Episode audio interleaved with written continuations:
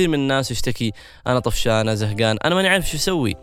هذا الجانب من الجوانب المهمة والركائز الأساسية التي يسعد بها الإنسان بإذن الله عز وجل ويحقق نجاحات ويحقق أهداف كثيرة. وهو الجانب الذي يربطك بالله عز وجل وهو جانب الإيماني. وكيف نضع خطة جميلة ويسيرة لكي نتوازن في هذا الجانب بشكل كبير. وهي عبارة عن مجموعة من العبادات والأعمال التي يقوم بها الإنسان بينه وبين الله عز وجل. أشياء بسيطة جدا لكن يغفل عنها كثير من الناس آه، وهي ربما تكون سبب سعادته وهنائه بإذن الله عز وجل. من أهم الجوانب للإنسان موضوع الصلاة. موضوع الصلاة من أهم الأمور اللي كثير للأسف يعني يتغافل عن هذا الموضوع. لا ندخل في تفاصيل موضوع الصلاة لكن نحن, نحن نريد أن تحافظ على الصلاة بأوقاتها بالطريقة الأفضل دون أن ندخل في تفاصيل كبيرة في هذا الموضوع. النقطة الثانية موضوع الدعاء. الدعاء إخواني وأخواتي يقول الرسول عليه السلام الدعاء مخ العبادة. الدعاء يرد القدر. يعني أي شيء تبغاه ادعي الله عز وجل. لا تدعو الإنسان ولا تدعو البشر.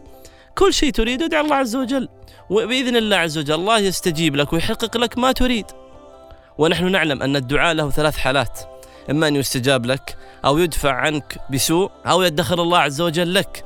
فلماذا لا تدعو في كل وقت وفي كل حين واستغل أوقات استجابة الدعاء مثل وقت الأذان وقت السحر وأثناء السجود وقت المطر وأنت مسافر وغيرها من الأوقات. والدعاء اجعل هذا الدعاء دائما معك وهو سلاحك الدائم.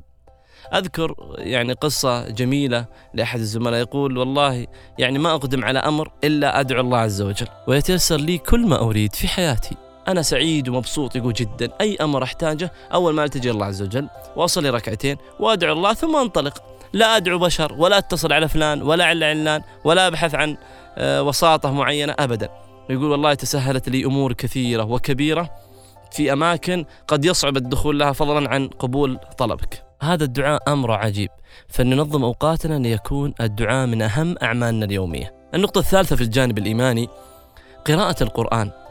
وهو لابد أن يكون للإنسان المؤمن ورد يومي. لا تقول لي ما أقدر لا تقول لي ما عندي وقت لا تقول لي قراءة طويلة. أنا أريد منك لو صفحة واحدة كل يوم. هذه الصفحة ما راح تتجاوز ثواني ما تصل إلى دقيقة قراءتها. اجعل لك مصحف في مكتبك في العمل أو في سيارتك أو في جوالك. الآن جوالات كثير فيها مصاحف. وقت انتظار وقت وقفة.